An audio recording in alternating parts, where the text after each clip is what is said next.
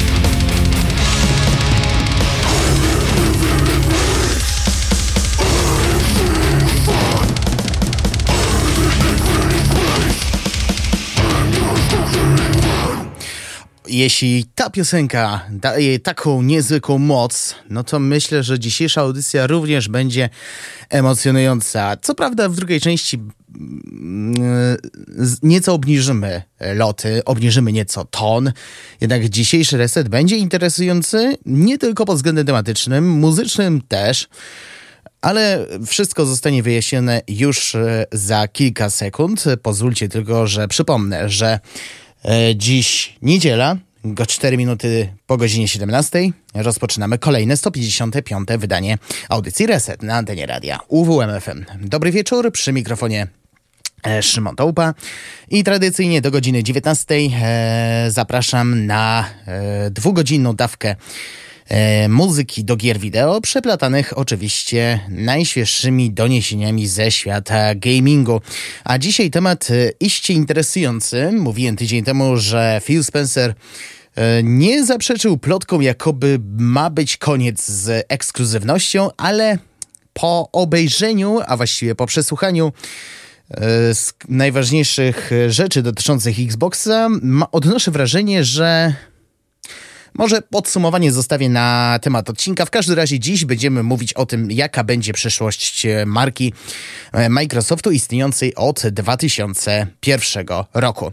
Oprócz tego będą standardowo growe informacje, w których e, między innymi o tym, że mm, Polak stworzył e, model Larry Croft w remasterze klasycznej trylogii Tomb Raider, a także o nieprzyjemnej sytuacji w ZAUM. Wydawałoby się, że sprawa ucichła, jednak nowe doniesienia sugerują, że może być znacznie, znacznie gorzej. A dzisiejszy przegląd premier składać się będzie głównie z pozycji przeznaczonych na komputery. E, poza tym, zgodnie z zapowiedzią z zeszłego tygodnia, będę miał konkurs, w którym będzie można wygrać dwa, dwie wejściówki na DevGam 2024 w Gdańsku, który to wydarzenie odbędzie się 28 i 29 lutego w Amber Expo. E, szczegóły tuż po growych e, informacjach. A w drugiej części naszego dzisiejszego spotkania sięgać będę głównie po e, produkcje z lat 90., choć nie zabraknie pozycji, które ukazały się już w XXI wieku. To wszystko do godziny 19. Zostańcie razem z Resetem i oczywiście z radiem UWMFM. E, był e, polski akcent w postaci Behemotu. Będzie jeszcze jeden, ale to trochę później. Przed nami e, francuski duet R z utworem Surfing on a Rocket to z gry FIFA 2005.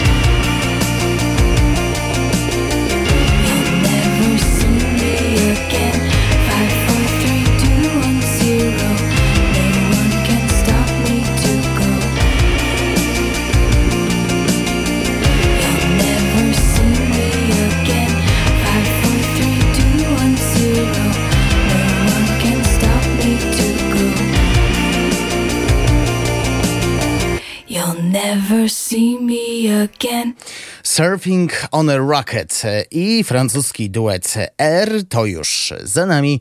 Na zegarze 10 minut po godzinie 17. Czas na podsumowanie najważniejszych wydarzeń ostatnich 7 dni. Growe informacje.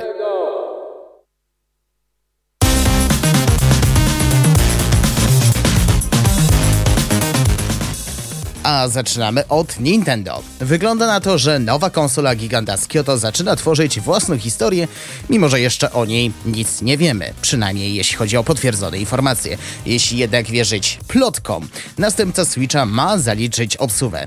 Do tej informacji dotarł Bloomberg i ich osoby zaznajomione z tematem. Nowy sprzęt ma się ukazać w pierwszym kwartale 2025 roku, przy czym może on zostać zaprezentowany na tak zwaną ostatnią chwilę. Jako przykład przykład można dać chociażby Switcha, który został zapowiedziany w październiku 2016 roku, a sama premiera miała miejsce prawie pół roku później, 3 marca 2017 roku. Jednak należy pamiętać, że to wciąż plotki, zatem pozostaje jedynie czekać na sprawdzone i przede wszystkim potwierdzone informacje od giganta z Kyoto. Najlepiej podczas Nintendo Direct. Elden Ring w rękach twórców. Według dokumentu US Patent and Trademark Office własność znaku towarowego została przetransferowana między Bandai Namco a From Software w marcu 2023 roku, czyli około 13 miesięcy po premierze największego dotychczas hitu japońskiej korporacji.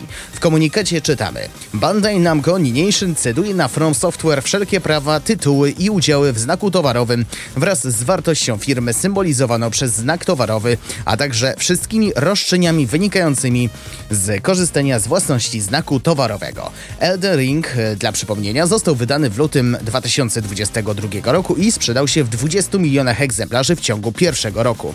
Podczas gdy From Software jest odpowiedzialne za wydanie gry w rodzimej Japonii, Bandai Namco jest wydawcą Elden Ringa na terenie reszty świata.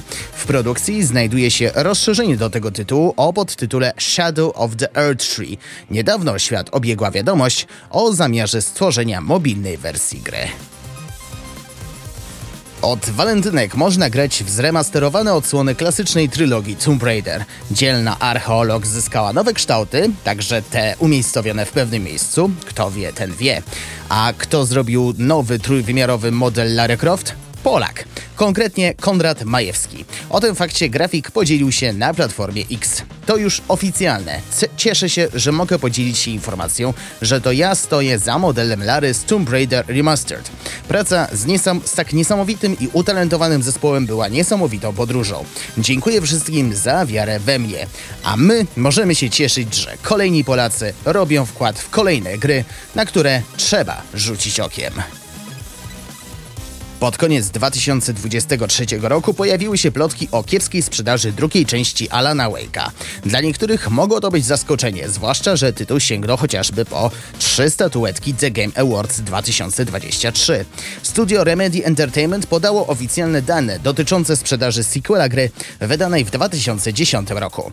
Tragedii nie było, wręcz przeciwnie. Twórcy mogą odtrąbić sukces. Jak możemy przeczytać w komunikacie, do końca grudnia 2023 2023 roku Alan Wake 2 sprzedał się na poziomie miliona kopii, a na początku lutego liczba ta wzrosła do 1,3 miliona.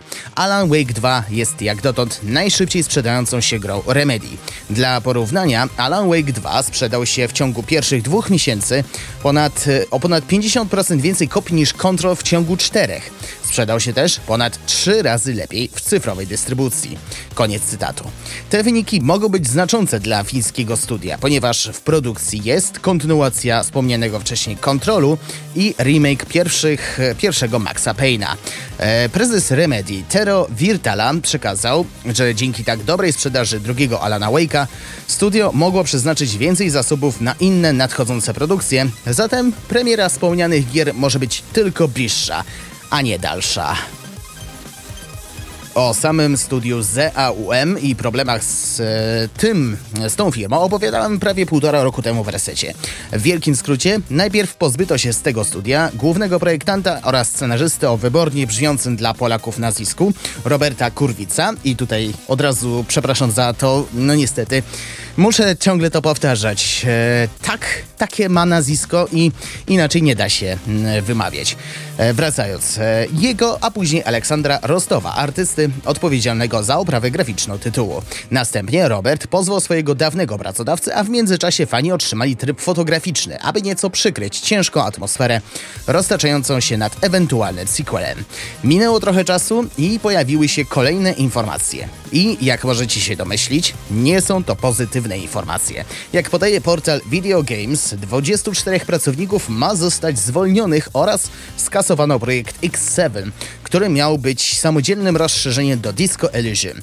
W rozmowie z pracownikami szef studia Ed Tomaszewski miał przekazać, że powstawanie gry zajęłoby od roku do dwóch lat i wymagałoby więcej czasu i wysiłku niż w przypadku Disco Elysium. E, prezes ZAUM Ilmar Kompus miał również poinformować, że cięcia kosztów dotkną nie tylko ekipę od X7, ale również resztę projektów. Na liście zwolnień znajdują się scenarzyści, inżynierowie, artyści 3D oraz 2D, dział IT oraz animatorzy. Powołując się na źródła Video Games, ma to być trzeci duży tytuł ZAUM, który został odłożony na półkę. Najpierw była to bezpośrednia kontynuacja Disco Elysium o nazwie Y12, później nowe IP z gatunku science fiction o nazwie P1, a teraz X7. Obecnie w produkcji znajduje się C4 oraz M0, o których nie wiemy praktycznie nic.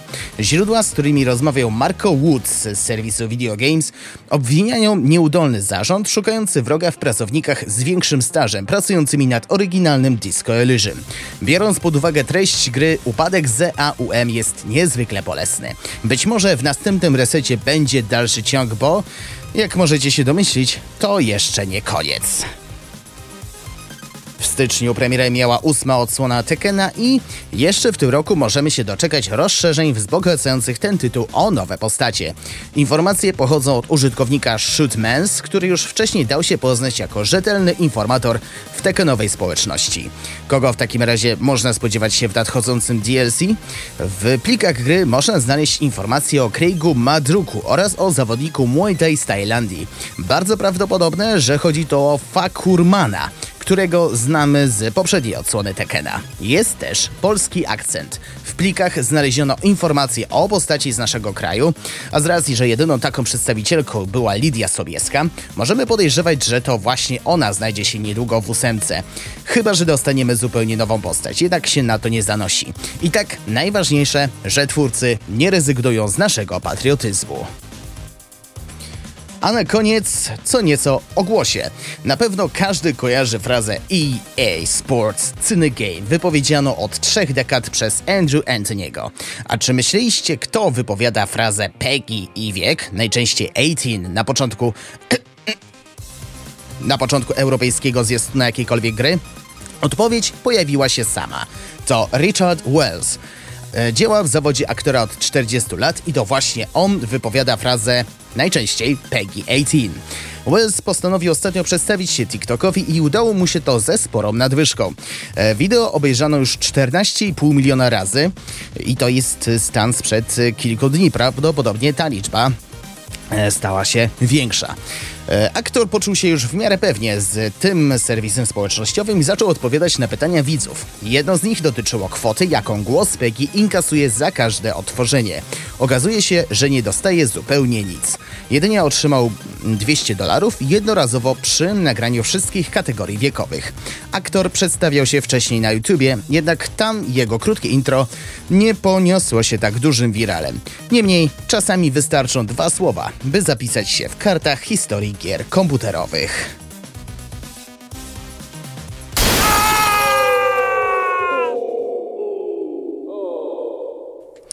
W growych informacjach to już wszystko. Zanim posłuchamy kolejnych nagrań, e, tak jak zapowiadałem na samym wstępie, konkurs. E, tak jak e, mówiłem, do wygrania będą dwa wyjściówki na DevGam 2024 Gdańsk. To wydarzenie odbędzie się w dniach 28-29 lutego w Amber Expo.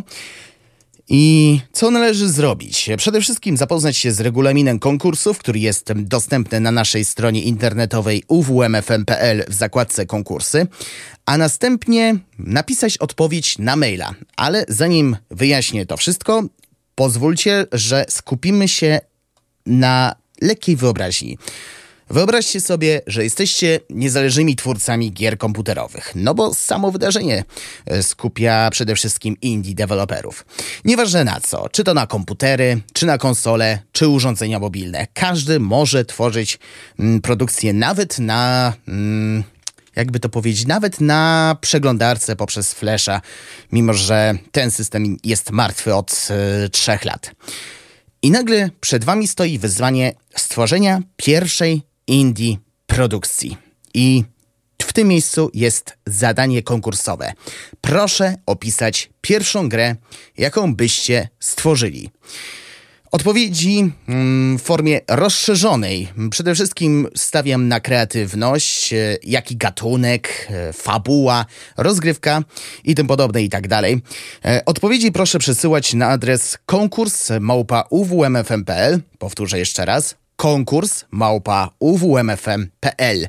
E, propozycje będą przyjęte do wtorku do godziny 15. Zatem jeśli nie słuchaliście audycji Reset na żywo, czyli w niedzielę między 17 a 19, a odpalicie podcast, to będziecie mieli cały czas szansę na to, żeby coś wymyślić i dwie osoby, które stworzą najbardziej kreatywny opis swojej pierwszej gry, e, zdobędą wejściówki na DevGam 2024 Gdańsk. Więc jeśli już teraz macie mm, pomysł, który zrodził się w głowie stworzenia pierwszej e, gry komputerowej w swoim życiu, to nie wahajcie się, piszcie i wysyłajcie na adres konkurs.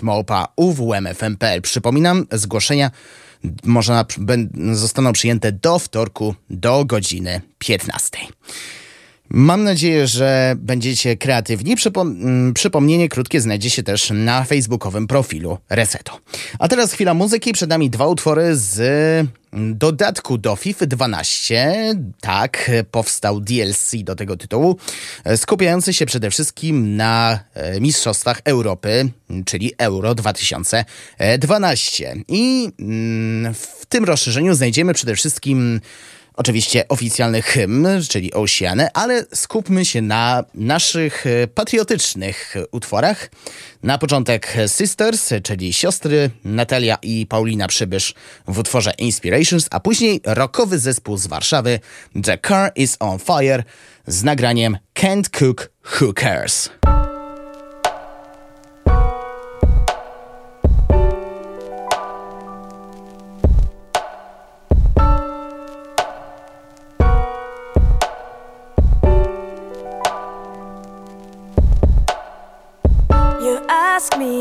About all my inspirations, you won't be surprised if I tell ya what I write. It comes from my emotions, from my fear, my love wide as ocean.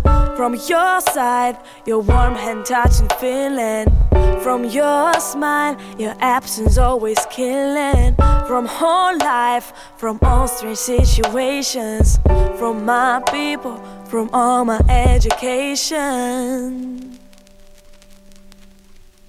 From home, from streets, for money for free. From you, from him, from everything. From books, from God, from mommy, from dad. And I'm still glad that I can see that from home, from streets, for money for free. From you, from him, from everything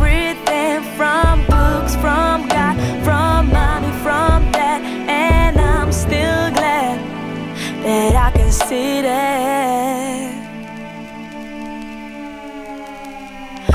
ask me about all my secret feelings. Don't ask about songs and their meanings. What if I stop talking, let you listen? That all I sing comes from home, from streets, for money, for free. From you, from him, from everything.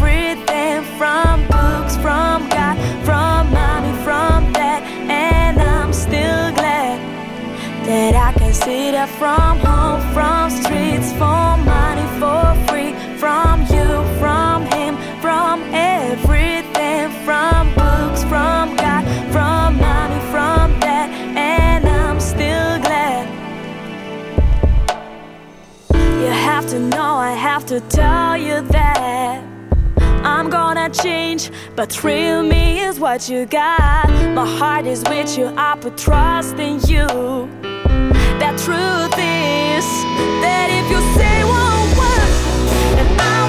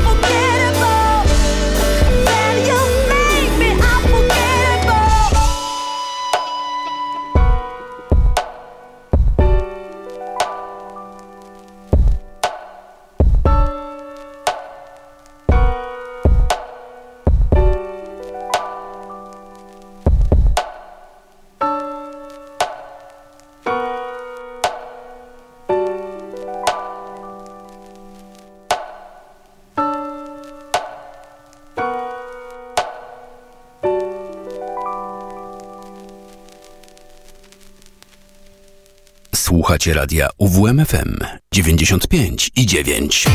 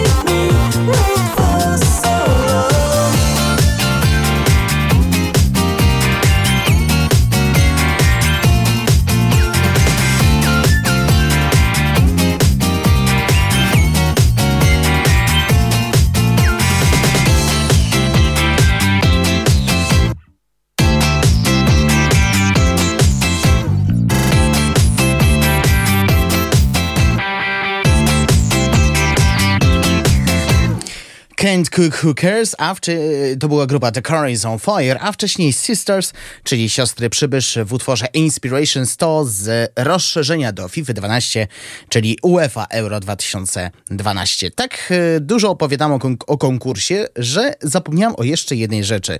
E, pisząc do nas na adres konkurs małpa uwmfm.pl w temacie wpisać konkurs myślnik reset. Wtedy wszystko zostanie, e, stanie się tutaj jasne. Na zegarze 17.31 czas przejść do tytułów, które ukażą się w, najbli- w przyszłym tygodniu. Przegląd premier. 21 lutego ukaże się The Last Epoch, gra RPG akcji typu hack and slash. Tytuł przenosi nas do fantastycznej krainy Eterra, która jest pożerana przez mroczną siłę zwaną pustką. Chcąc zapewnić sobie przetrwanie, jej mieszkańcy ukryli się w podziemnym mieście. Na szczęście nie wszystko jest jeszcze stracone. Główny bohater, będący jeden z ocalałych, udaje się na poszukiwania tytułowego artefaktu, który pozwoli mu, mu na podróże w czasie, przemierzając cztery różne wcielenia Eterry. Heros nie tylko odkrywa skrywane przez nią tajemnice, lecz także zbliża się do poznania sposobu na powstrzymanie pustki. Oprócz czterech głównych opok, czyli starożytnej, boskiej, imperialnej i zrujnowanej, z czasem zyskujemy możliwość sprawdzenia ich alternatywnych wersji, do których trafiamy za sprawą tak zwanego monolitu losu. Dzięki temu możemy kontynuować rozgrywkę nawet po ukończeniu głównego wątku fabularnego. Przed rozpoczęciem zabawy w Last Epoch wybieramy jedną z pięciu podstawowych klas postaci. Do naszej dyspozycji oddano łotrzyka, maga, rycerza, akolitę oraz szamana. Na tym jednak nie koniec, gdyż w miarę postępów zyskujemy możliwość wyboru tzw. specjalizacji mistrzowskiej. Dzięki temu możemy nakierować proces rozwoju postaci na odpowiadającą nam ścieżkę. Przykładowo, łotrzyk może zostać mistrzem w posługiwaniu się bronią białą lub łucznikiem, z kolei alkolita może stać się nekromantą lub magiem bitewnym. Dalej nie pozostaje nam już nic innego jak przystąpić do rozgrywki, podczas której akcję obserwujemy w rzucie izometrycznym. W trakcie zabawy przymierzamy zróżnicowane wersje krainy Eterra i wykonujemy zadania fabularne oraz misje poboczne, stawiając czoła hordom przeciwników. Poza tym zwiększamy potencjał bojowy bohatera poprzez odblokowywanie i rozwój jego umiejętności. Każda z nich posiada rozbudowane drzewo ulepszeń oraz statystyk, a także pozyskiwanie coraz wyposażenia. Gra ukaże się wyłącznie na PC-tach. Tego samego dnia ukaże się Myth of Empires, sandbox TPP łączący elementy MMORPG, survivalu i strategii. Gra zabiera nas w podróż na fantastyczny kontynent inspirowany historycznym Dalekim Wschodem. Kraina ta jest pogrążona w konflikcie i tylko od nas e, zależy, czy dołączymy do wojny, czy też zostaniemy pokojowo nastawionym panem lub panią na włościach. W tę grę akcję obserwujemy z perspektywy trzeciej osoby. Produkcja oddaje nam do dyspozycji otwarty świat o powierzchni 64 km2. Znajdziemy w nim m.in. gęste lasy, malownicze doliny rzek oraz skaliste góry. Przemierzamy go na piechotę lub na grzbiecie wierzchowca.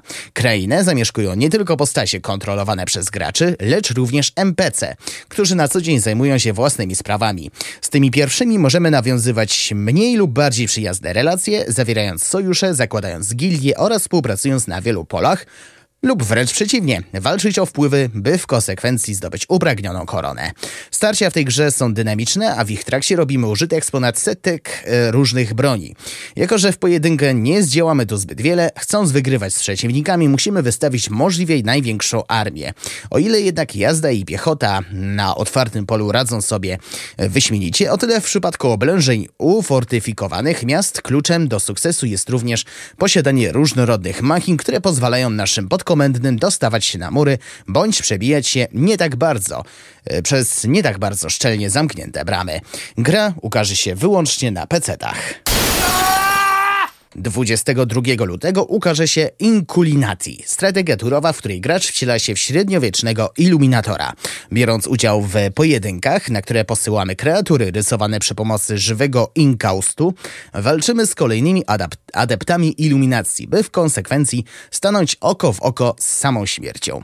Jeśli protagoniści uda się zwyciężyć, zostanie okrzyknięty mistrzem iluminacji. W tę grę akcję ukazano z boku. Filarem gry są turowe potyczki toczone na kartach średniowiecznej księgi, na które posyłamy antropomorficzne zwierzęta. Mowa o psach uzbrojonych w łuki i włócznie, zającach wyposażonych w dzidy, czy choćby osłach grających na trąbkach. Oprócz wyprowadzenia ataków poszczególne jednostki mogą próbować zyskać przewagę nad oponentami, śpiewając, szczekając, mrucząc lub wykonując nieco bardziej obsceniczne czynności. Oj, już e, czuję, że będzie interesująco. Ponadto do naszej dyspozycji oddano tak zwane akcje dłoni. E, co to znaczy? Iluminatorzy mogą ręcznie miażdżyć wrogów, rysować przed nimi przeszkody bądź przemieszczać swoich podkomendnych. Eliminując przeciwników zdobywamy wyżej wspomniany żywy inkaust, który pełni rolę surowca. To właśnie przy jego pomocy rysujemy nowe oddziały. Ponadto w miarę postępów nasz iluminator zdobywa doświadczenie, dzięki czemu z czasem odblokowujemy nowe jednostki oraz akcje dłoni. Gra ukaże się na komputerach i konsolach ósmej i dziewiątej generacji. Tego samego dnia ukaże się Pacific Drive, survivalowa gra akcji w klimatach postapokaliptycznych. Akcja dzieje się w niedalekiej przyszłości na północno-zachodnim wybrzeżu USA. W wyniku tajemniczego kataklizmu tereny te zostały zniszczone i zapełnione groźnymi anomaliami, przez co większość ludzi zmuszona była je opuścić. Gracz wciela się w śmiałka, który za pomocą swojego auta chce dotrzeć do tak zwanej olimpijskiej strefy wykluczenia, zlokalizowanej w samym sercu tych przeobrażonych ziem, gdyż wierzy, że tam dowie się w końcu, co spowodowało ten kataklizm. Większość rozgrywki spędzamy w samochodzie, przemierzając niebezpieczne tereny. Zagrożeniem są dla nas zarówno anomalie oraz różnorodne potwory, jak i zwykle, ale równie niebezpieczne, siły natury.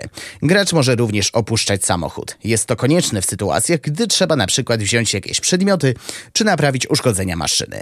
Samo auto możemy w dużym stopniu modyfikować, ulepszając jego części, dodając coraz lepsze pancerze i gadżety gadżety, jak i dopasowując pojazd do naszych preferencji wizualnych. Wszystko to wzbogacają lekkie elementy roguelike. Zabawa ma postać niebezpiecznych, ale stosunkowo krótkich wypraw, pomiędzy którymi powracamy do garażu pełniącego rolę bazy. Przy każdym wyjeździe wiele elementów świata, w tym surowce, potwory i anomalie, generowanych jest losowo, aby zapewnić nam świeże wyzwania. Gra ukaże się na komputerach i konsoli PlayStation 5. Również 22 lutego ukaże się Sons of the Forest, survival horror FPP będący kontynuacją wydanego w 2018 roku The Forest. Rany, to już 6 lat. W grze wcielamy się w rozbitkę, którego Podróż na pokładzie śmigłowca zakończyła się katastrofą w samym środku bezkresnego lasu. Naszym zadaniem jest przetrwać oraz rozwikłać tajemnice wyspy. Nie będzie to jednak łatwe, gdyż okolica jest opanowana przez zmutowane istoty i kanibali. Produkcja oddaje nam do dyspozycji otwarty świat, który możemy swobodnie przemierzać. Oprócz gęstego lasu, rzeki z malowniczymi wodospadami, czy rozległej plaży na splądrowanie przez odważnych czekają skąpane w mroku jaskinie. Jako, że pobyt w tym miejscu nie jest sielanką, ważną rolę odgrywają tutaj aspekty survivalowe oraz rozbudowany system craftingu. Chcąc zbudować, e, zdobyć pożywienie, musimy najpierw zebrać drewno, z którego następnie wytworzymy prowizoryczną broń. Poza tym surowiec, którego dookoła mamy pod dostatkiem, służy nam do budowy bazy wypadowej z prawdziwego zdarzenia. Mowa o wielopiętrowej konstrukcji otoczonej palisadą. Rozciągnięty na kijach prezent jedynie początkowo może nam służyć za dach nad głową. Co zaś tyczy się broni, prosta włócznia czy nawet nóż wystarczą nam do zabijania nieagresywnych zwierząt pokroju żółwi, jednak do obrony przed mutantami, nie wspominając już o zapuszczaniu się w głąb należących do nich terenów, potrzeba narzędzi mordu znacznie większego kalibru. Mowa o, przede wszystkim o broni palnej, która z czasem trafia w nasze ręce. Nawet z paralizatorem czy potężną giwerą należy jednak mieć się na baczności, gdyż mutanty rzadko atakują w pojedynkę. Jakby tego było mało, oprócz szeregowych osobników na naszej drodze szybko zaczynają stawać coraz bardziej powykręcane i coraz potężniejsze istoty, na których pokonanie jest znacznie większym wyzwaniem. Gra ukaże się wyłącznie na PC-tach. 23 lutego na konsolach PlayStation 4, PlayStation 5, Xbox One i Xbox Series ukaże się Flooded, produkcja typu City Builder, który stawia do góry nogami wiele zasad, jakimi rządzi się ten gatunek. Gra zabiera nas w podróż do świata, w którym wskutek nieustannie rosnącego poziomu wód coraz mniej miejsc nadaje się do zamieszkania. Ci, którym udało się przetrwać globalny kataklizm, osiedlają się na wyspach, na których wznoszą na prędce budowane miasta i eksploatują dostępne surowce. Gdy natomiast woda zaczyna stanowić dla nich zagrożenie, nie pozostaje im nic innego jak spakować manetki i przenieść się do innej, jeszcze bezpiecznej lokacji. Choć mogłoby się wydawać, że winę za taki stan rzeczy ponosi globalne ocieplenie, być może istnieją inne powody, dla których tutejsza wersja Ziemi staje się coraz mniej gościnnym miejscem. Produkcja oferuje tryb fabularny, pozwalający nam dowiedzieć się, co tak naprawdę doprowadziło do tej postępującej katastrofy. Rozgrywka toczy się na stosunkowo niewielkich wysepkach, na których znosimy budynki oraz gromadzimy drogocenne materiały i inne surowce. Poza tym, podczas zabawy musimy dbać o rozwój technologiczny, a także rozglądać się za reliktami, które mogą nieco ułatwić nam walkę o przetrwanie. Nie jesteśmy przy tym jedynymi ocalałymi, a mieszkańcy innych wysp mogą ostrzyć sobie zęby na nasze zasoby. Chcąc się przed nimi bronić, musimy zawczasu pomyśleć o budowie umocnień, wieżyczek obronnych oraz pułapek, by móc skutecznie odpierać ich ataki. Jako, że w miarę postępów poziom wód wzrasta, powinniśmy także w porę pomyśleć o budowie arki. Okręt pozwala nam na ewakuację z danego skrawka lądu i udanie się na poszukiwanie kolejnego e, poszukiwanie kolejnego lądu. Nowa wyspa to przy tym nie tylko nowy krajobraz i nowe możliwości, lecz również nowe wyzwania, którymi musimy stawić czoła. W tę grę mogą grać posiadacze komputerów oraz konsoli Nintendo Switch.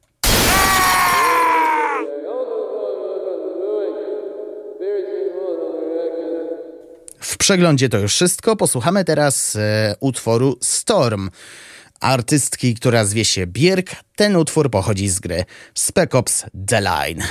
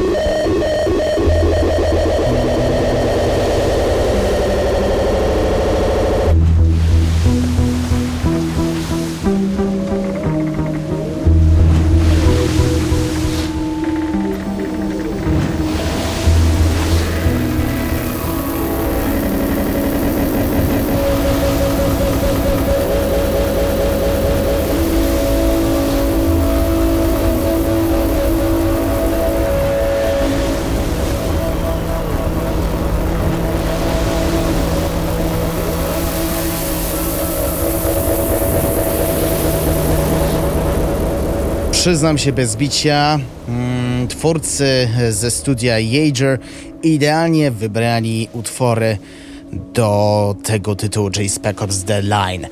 Za 13 minut, godzina 18. Reset. Przechodzimy teraz e, do głównego tematu dzisiejszego mm, spotkania, a dokładniej pierwszej części. Tydzień temu mówiłem w growych informacjach o plotkach dotyczących przyszłości Xboxa. Mm, głównie skupiałem się na tym, że marka ma kończyć z e, ekskluzywnością. Phil Spencer zapraszał wówczas na tak zwany podcast, w którym wszelkie wątpliwości mm, zostaną e, rozwiane. Mm, podcast został udostępniony w miniony czwartek o godzinie 21 czasu e, polskiego. I zacznijmy od wspomnianej wcześniej ekskluzywności. Czy to będzie faktycznie koniec? No nie do końca, bo owszem, cztery gry mają się ukazać także na konsolach PlayStation 5 i Nintendo Switch, przy czym e, nie zdradzono o jakich produkcjach mowa. Plotki głoszą, że ma być na pewno e, Hi-Fi Rush studia Tango Gameworks, ale największe produkcje, czyli Starfield i nadchodzący Indiana Jones E, pozostaną na wyłączność e, na konsolach Xbox Series. Kolejny punkt to gry Activision w usłudze Game Pass. I to było do przewidzenia, szczególnie, że teraz e, właścicielem jest Microsoft. Proces dodawania rozpocznie się już 28 marca, a na pierwszy ogień pójdzie czwarte Diablo. Zdementowano też że abonament pojawi się na innych e, sprzętach, e, czyli na przykład na Switchu. W myśl zasady nie ma loga Microsoftu, Windowsa, Xboxa, nie będzie Game Passa. To chyba logiczne, prawda? Nowy CEO Microsoftu do spraw gier wytłuścił też zasady, na jakich opiera się obecnie jego wizja Xboxa. To ważny krok, bo nawet już analitycy branżowi zaczęli wątpić w spójność działań giganta z Redmond. Zasad jest pięć i brzmią one następująco. Punkt pierwszy. Największe gry na świecie będą dostępne na konsoli Xbox. Punkt drugi. Nasze gry będą dostępne w ramach subskrypcji Game Pass już pierwszego dnia. Punkt trzeci. Solidny i innowacyjny wieloletni plan rozwoju sprzętu. Punkt czwarty. Priorytetem jest kompatybilność z Twoją biblioteką, w tym możliwość gry międzyplatformowej, zapisywania międzyplatformowego i niezawodne funkcje w chmurze. Punkt piąty. Xbox będzie nadal pomagać twórcom gier w znalezieniu jak największej liczby odbiorców. Brzmi to trochę jak 10 przykazań skierowanych dla graczy. Phil Spencer podał też trochę informacji, które nie są zbyt sensacyjne, ale dobrze się z nimi zapoznać.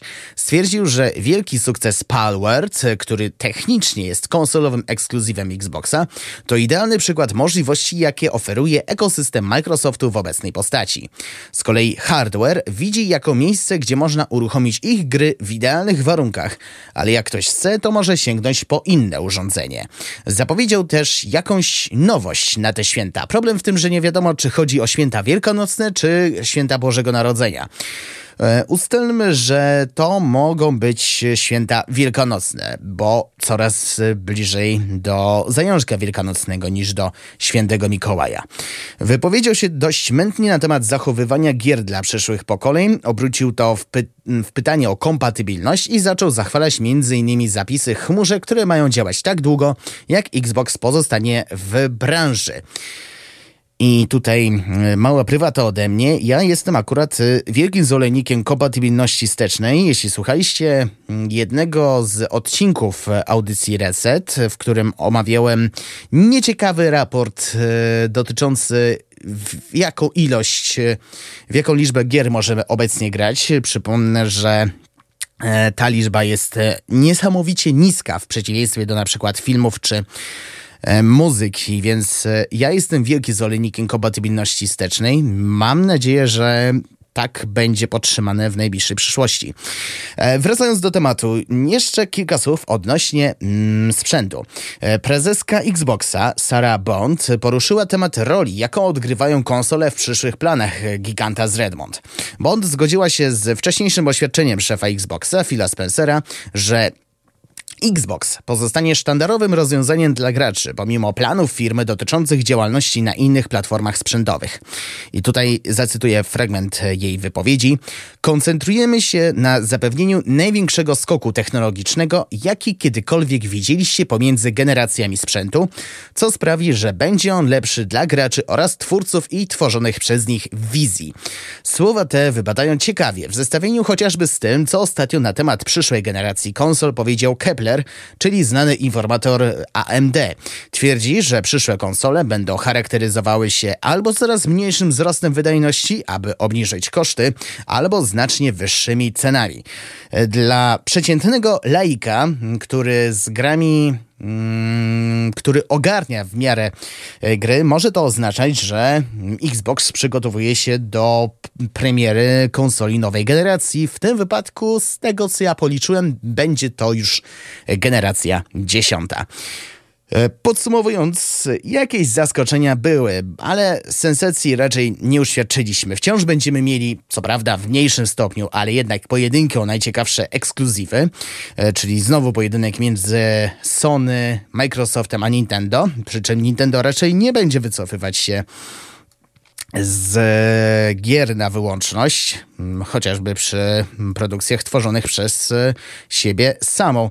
E, Xbox dalej będzie produkować konsole, a Game Pass jaki był, taki jest i będzie. Zatem fajerwerków nie spodziewaliśmy się, a Trochę szkoda, bo myślałem, że coś ciekawego może zostanie zaprezentowane. Kolejnych wieści należy oczekiwać prawdopodobnie w okolicach czerwca, kiedy odbędzie się tak zwany kolejny festiwal zapowiedzi, czyli w tym wypadku niestety nie E3, bo te targi już e, trafiły do gamingowego cmentarza, a mowa oczywiście o Summer Game Fest, czyli wydarzeniu organizowanym przez Jeffa Kivleya. Czyli Kivleya. Możliwe, że wtedy dowiemy się czegoś nowego o e, produkcjach, a być może i o nowej konsoli giganta z Redmond. Reset. Do godziny 18 pozostało jeszcze 6 minut. Pierwszą część resetu możemy uznać oficjalnie za zakończoną. Za chwilę rozpocznie się część druga. A na koniec pierwszej jeszcze utwór z gry Guitar Hero World Tour Obstacle One w formacji Interpol. A w drugiej części naszego dzisiejszego spotkania sięgniemy już standardowo po oryginalne kompozycje.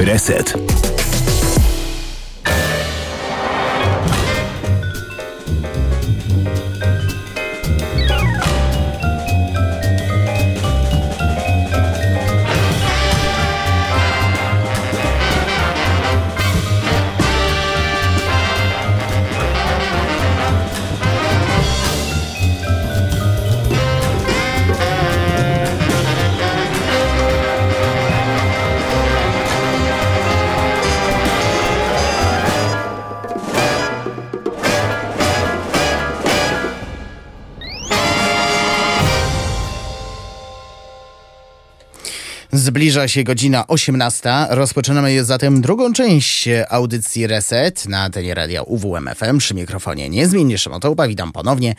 A zaczęliśmy od produkcji z 2007 roku.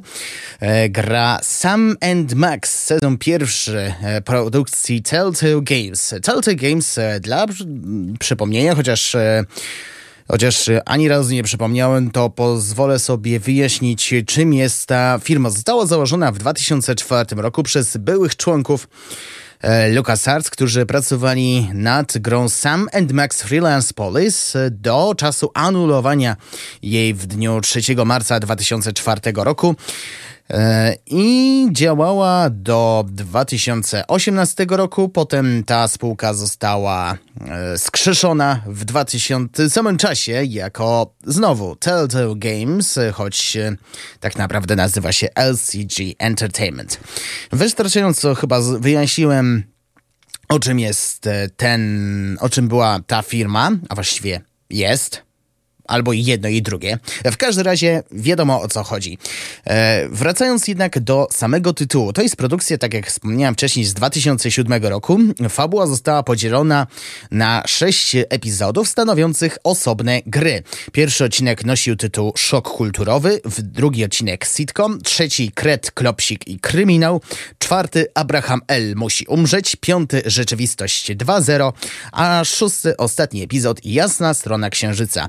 Dla dodania warto powiedzieć, że mm, to jedyna produkcja z serii Sam and Max i to nieważne, czy to z Telltale Games, czy z wcześniejszego Lucas Arts, bo tak w 1993 ukazał się Mm, tytuł Sam and Max Hit the Road. To jest jedyna produkcja z tej serii, która mm, została stworzona w polskiej wersji, do której dodano polską wersję językową.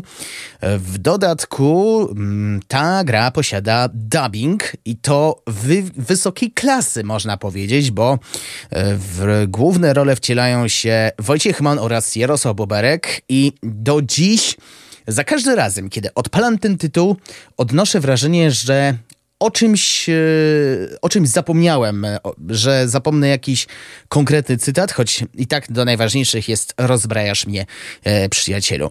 Jeśli chodzi o muzykę, za nią odpowiada Jared Emerson Johnson e, i została wyprodukowana ścieżka dźwiękowa przez Bay Arena Sound, spółkę założoną przez Clienta Badziakiana, która od 1994 pracowała nad udźwiękowieniem gier LucasArts. I od razu powiem, on też się pojawi w dzisiejszej audycji.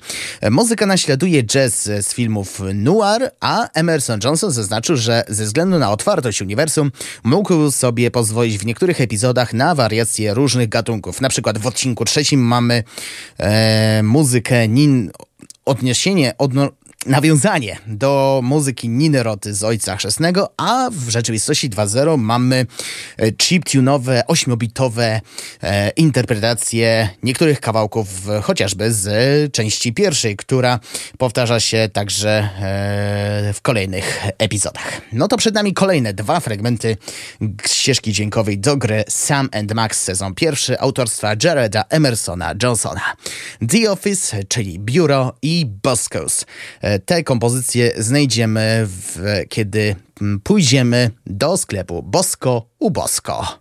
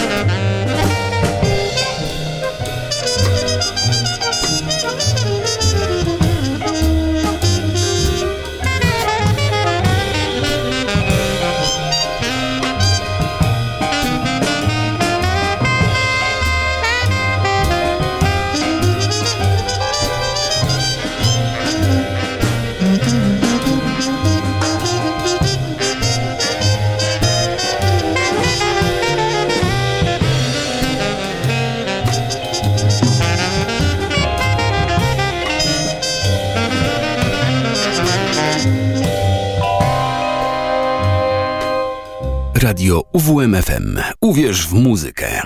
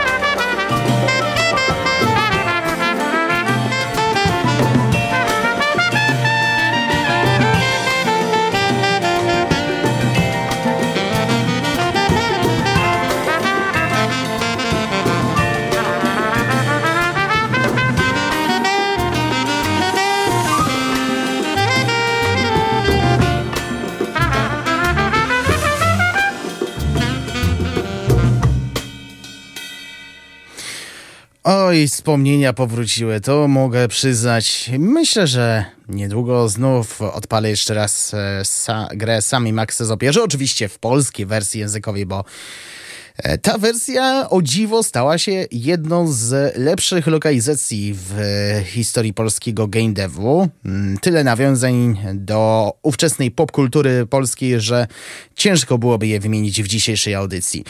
I do tej muzyki na pewno jeszcze nie raz będę wracać w resecie. A teraz e, cofniemy się do lat 90. i kultowego dzieła studia Sierra.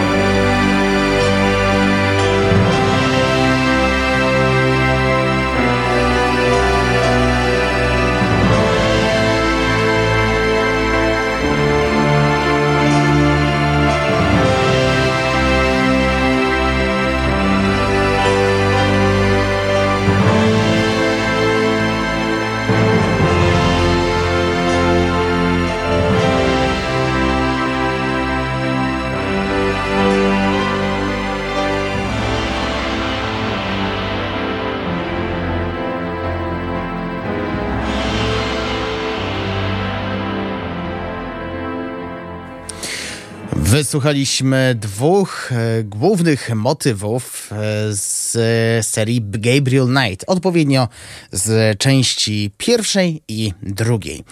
E, Gabriel Knight to jest seria, która została stworzona przez e, pisarkę e, Jane Jensen e, która zaczęła współpracę z studiem Sierra w 1991 roku. I to samodzielna produkcja. E, I ona też pracowała przy grze Grey Matter, o, czym opowi- o którym opowiadałem e, dawno, dawno temu w resecie, chyba jeszcze w zeszłym roku. E, Pierwsza część jest dwuwymiarową grą przygodową typu point and click, opowiadającą tajemnice rytualnych morderstw voodoo w Nowym Orleanie, a także historię rodu Gabriela Knighta, czyli właściciela księgarni z używanymi księ- książkami w Nowym Orleanie, a także pisarza amatora, później e, Schattenjaggera, czyli łowcy cieni. To w pierwszej e, części. W drugiej, czyli The Best Weaven a Gabriel Knight Mystery, e, skupia się na ataku wilkołaka w okolicach zamku w Bawarii, gdzie zamieszkiwał główny bohater. Wraz z rozwojem fabuły tropy prowadzą do tajemniczego klubu łowieckiego, a historia sięga do losów Ludwika II i Richarda Wagnera.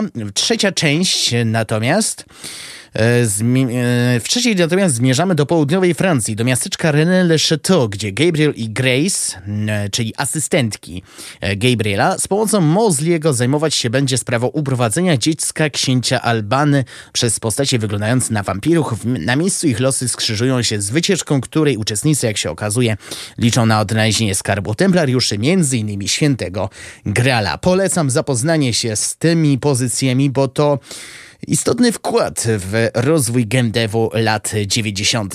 Szczególnie, że w 2014 roku ukazał się e, Gabriel Knight Sins of the Father's 20th Anniversary Edition. Przed nami kolejne dwa fragmenty ścieżki dźwiękowej do gier z tej serii. Mm, Dla przypomnienia, a właściwie dla podkreślenia informacji autorstwa Roberta Holmesa, którego możecie kojarzyć również z gry Grey Matter. Hunt Club to z drugiej części The Best Within a Gabriel Knight Mystery i Emilo's Film z trzeciej części Blood of the Sacred, Blood of the Damned.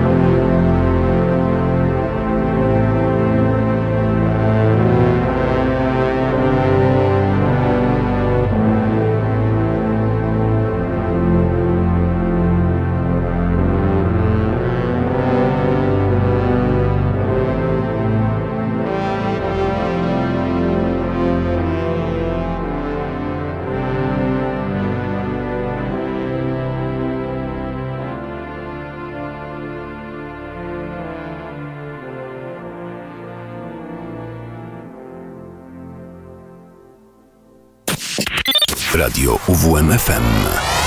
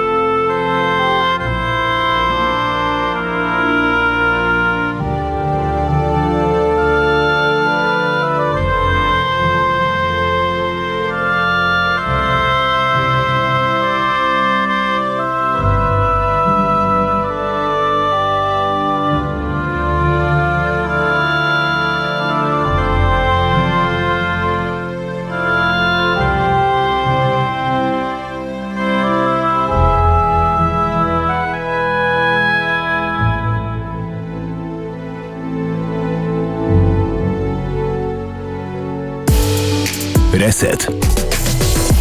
Emilio Sfima, wcześniej Hunt Club, to z y, odpowiednio trzeciej i drugiej części Gabriel Knighta autorstwa y, studia Sierra, a dokładniej Jane Jensen.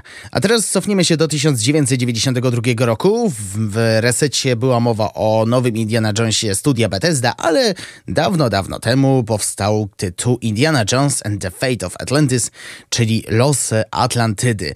E, gra z 1992 roku autorstwa LucasArts, czyli oddzielnego studia zależnego od Lucasfilms i gra opowiada o Indianie Jonesie, jak sam tytuł e, sugeruje. E, I mm, naziści chcą odnaleźć zaginioną Atlantydę, miasto, które przed wiekami zostało zmiecione z powierzchni ziemi w tajemniczych okolicznościach. Podobno w jej ruinach znajduje się potężna broń, dlatego Indiana Jones i Sofia Hapgood podążają tropem Niemców, by nie dopuścić jej do odnalezienia i wykorzystania przeciwko ludności. Znakomita alternatywa dla mm, osób, które e, chcą e, przeżyć tę samą przygodę jak w filmach z serii Indiana Jones, ale e, w formie mm, gry komputerowej. Za muzykę odpowiadają trzej ludzie. Clint Badziakian, który był przywołany wcześniej w resecie, Michael Land, tutaj debiut i Peter McConnell, kompozytor, którego możecie dobrze kojarzyć, bo to on stworzył muzykę do pierwszej części Psychonauts z 2005 roku. A dziś posłuchamy e, jednego motywu z e, gry Indiana Jones and the Fate of Atlantis i to będzie motyw otwierający, w którym znajdziemy m.in. Słynny, mm, słynną kompozycję autorstwa Johna Williamsa.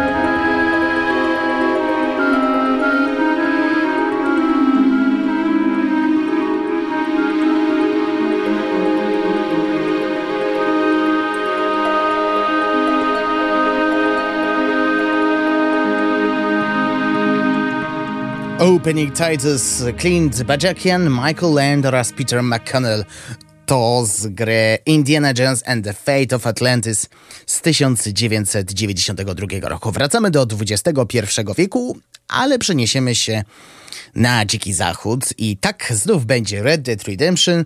Była mowa o pierwszej części, była mowa o drugiej części, ale nie było mowy o rozszerzeniu do jedynki, czyli Undead Nightmare. I zgodnie z tytułem łączy charakterystyczny dla serii westernowy klimat z tematyką zombie. Fabuła e, DLC jest e, następująca. Wcielamy się w Johna Marstona, mm, który szuka lekarstwa na trwającą właśnie plagę zombie. W walce z czterema typami nieumarłych robimy użytek z nowego rodzaju broni. Jest nim Blunderbuss, czyli rodzaj skróconej strzelby, z którego strzela się resztkami ciał zombiaków, a na swojej drodze spotykamy też zainfekowane zwierzęta, szczególnie niebezpieczne podczas pieszych wędrówek. Podobnie jak przy podstawowej wersji tego tytułu, za muzykę odpowiadają dwaj kompozytorzy, Bill Elm oraz Woody e, Jackson. I mm, pozwoliłem sobie przesłuchać z ciekawości, jak brzmi mm, ścieżka dźwiękowa do tego, e, chciałem powiedzieć do tego tytułu, ale tak naprawdę do rozszerzenia Red Dead Redemption i połączono klimat zombiaków z westernem. Idealnie, że czuć jakby chcielibyśmy walczyć rewolwerami, w, z, walczyć z umarlakami poprzez na przykład rewolwery. Dziś jedna kompozycja Blackwater USA, Bill Elm i Woody Jackson.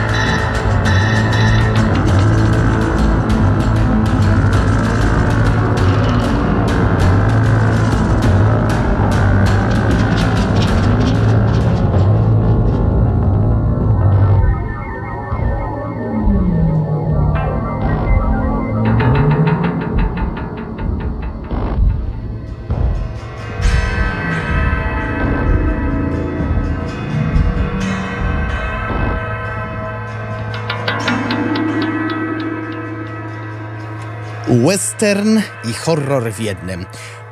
Coś takiego może wymyślić jedynie ekipa ze studia Rockstar. Blackwater USA, Bill Elm i Woody Jackson to z dodatku do Red Dead Redemption o podtytule Undead Nightmare. A teraz znowu cofniemy się do 1999 roku, tym razem do Montpellier, gdzie umiejscowiony jest oddział firmy Ubisoft, a tam powstała druga część gry z serii Rayman.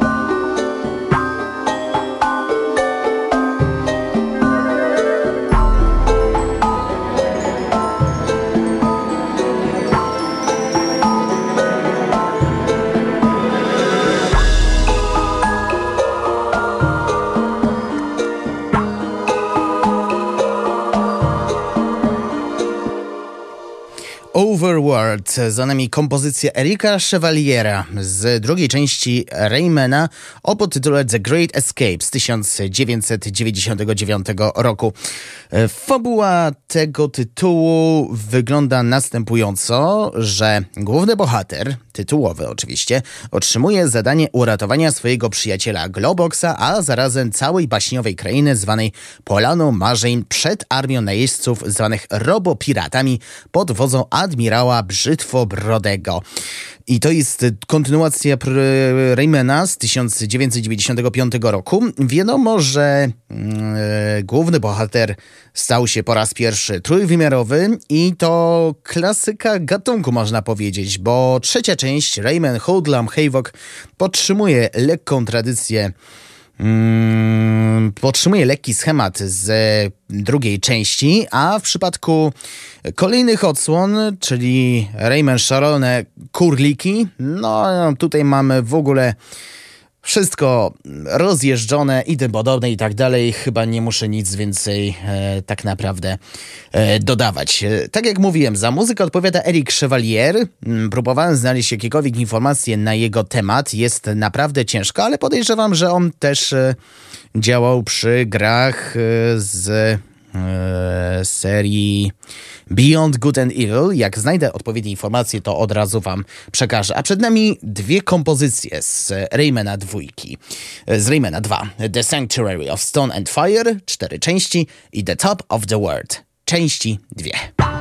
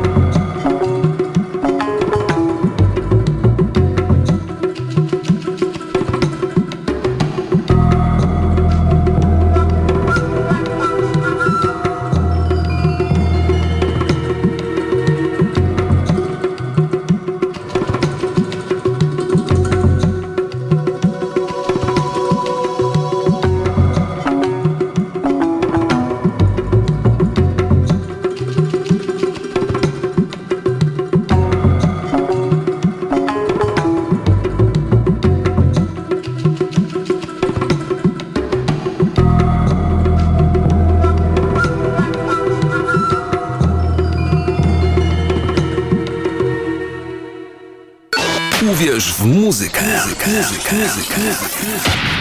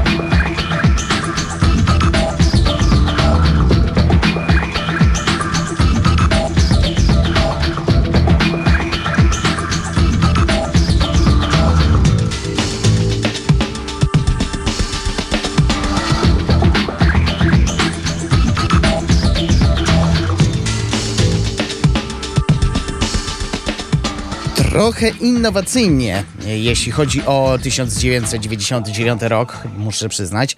Eric Chevalier, wysłuchaliśmy dwóch motywów, The Sanctuary of Stone and Fire, a później The Top of the World z Raymana 2. E, The Great Escape z 1999 roku. 10 minut pozostało do godziny 19. Od razu powiem, e, Eric Chevalier stworzył muzykę jedynie do Raymana 2. 10 minut pozostało do 19. Na koniec e, przeniesiemy się znów w postapokaliptyczne klimaty.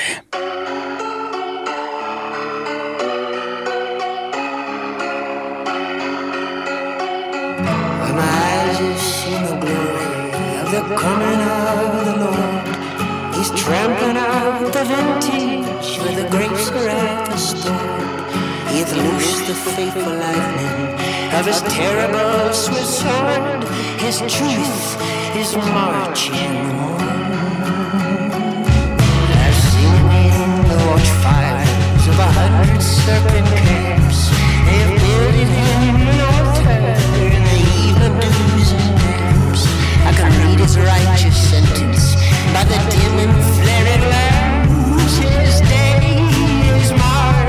marching on.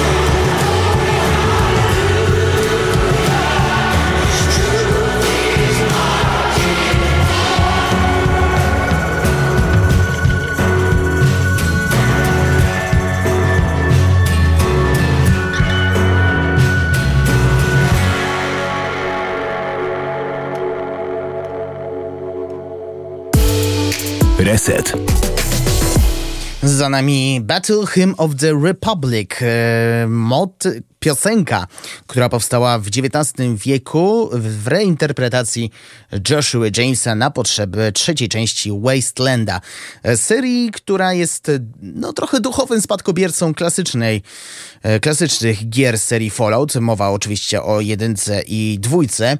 Poruszę jedynie kwestię muzyczną. Za nią odpowiada standardowo Mark Morgan, który tworzył także kompozycję do części drugiej, e, a także Mary Ramos, choć możemy znaleźć też e, dzieła innych autorów, chociażby Aleksandra Brandona, znanego chociażby z pierwszej części Deus Ex. Na koniec naszego dzisiejszego spotkania dwie kompozycje. Na początek Wasteland Free Opening i Mark Morgan, a później Alexander Brandon, kompozycja Garden of the Gods Suspense. Po godzinie 19 tradycyjnie Mateusz Sikorski, Kociołek Melomana. A ja przypominam o tym, że e, do wtorku do 15 możecie się zgłaszać w konkursie, gdzie do wygrania są wejściówki na DevGam 2024. Za dziś dziękuję Szymodołba, kłaniam się nisko i do usłyszenia w następnym resecie za tydzień o tej samej porze.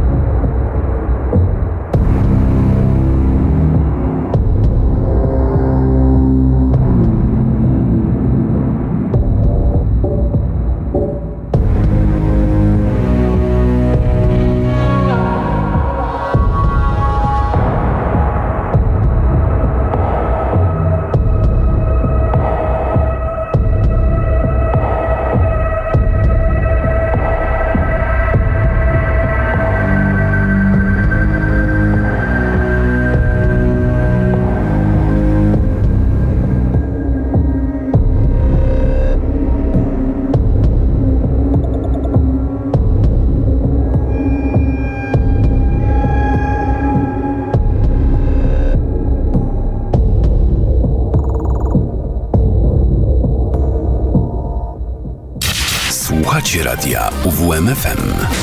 UWMFM.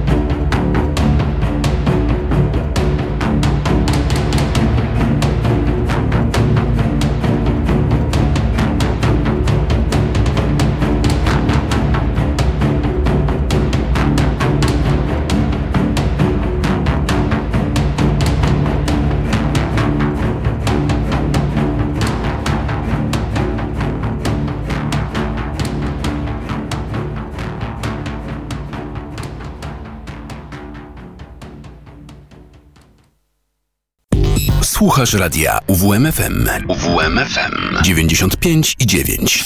Radio UWMFM. Uwierz w muzykę.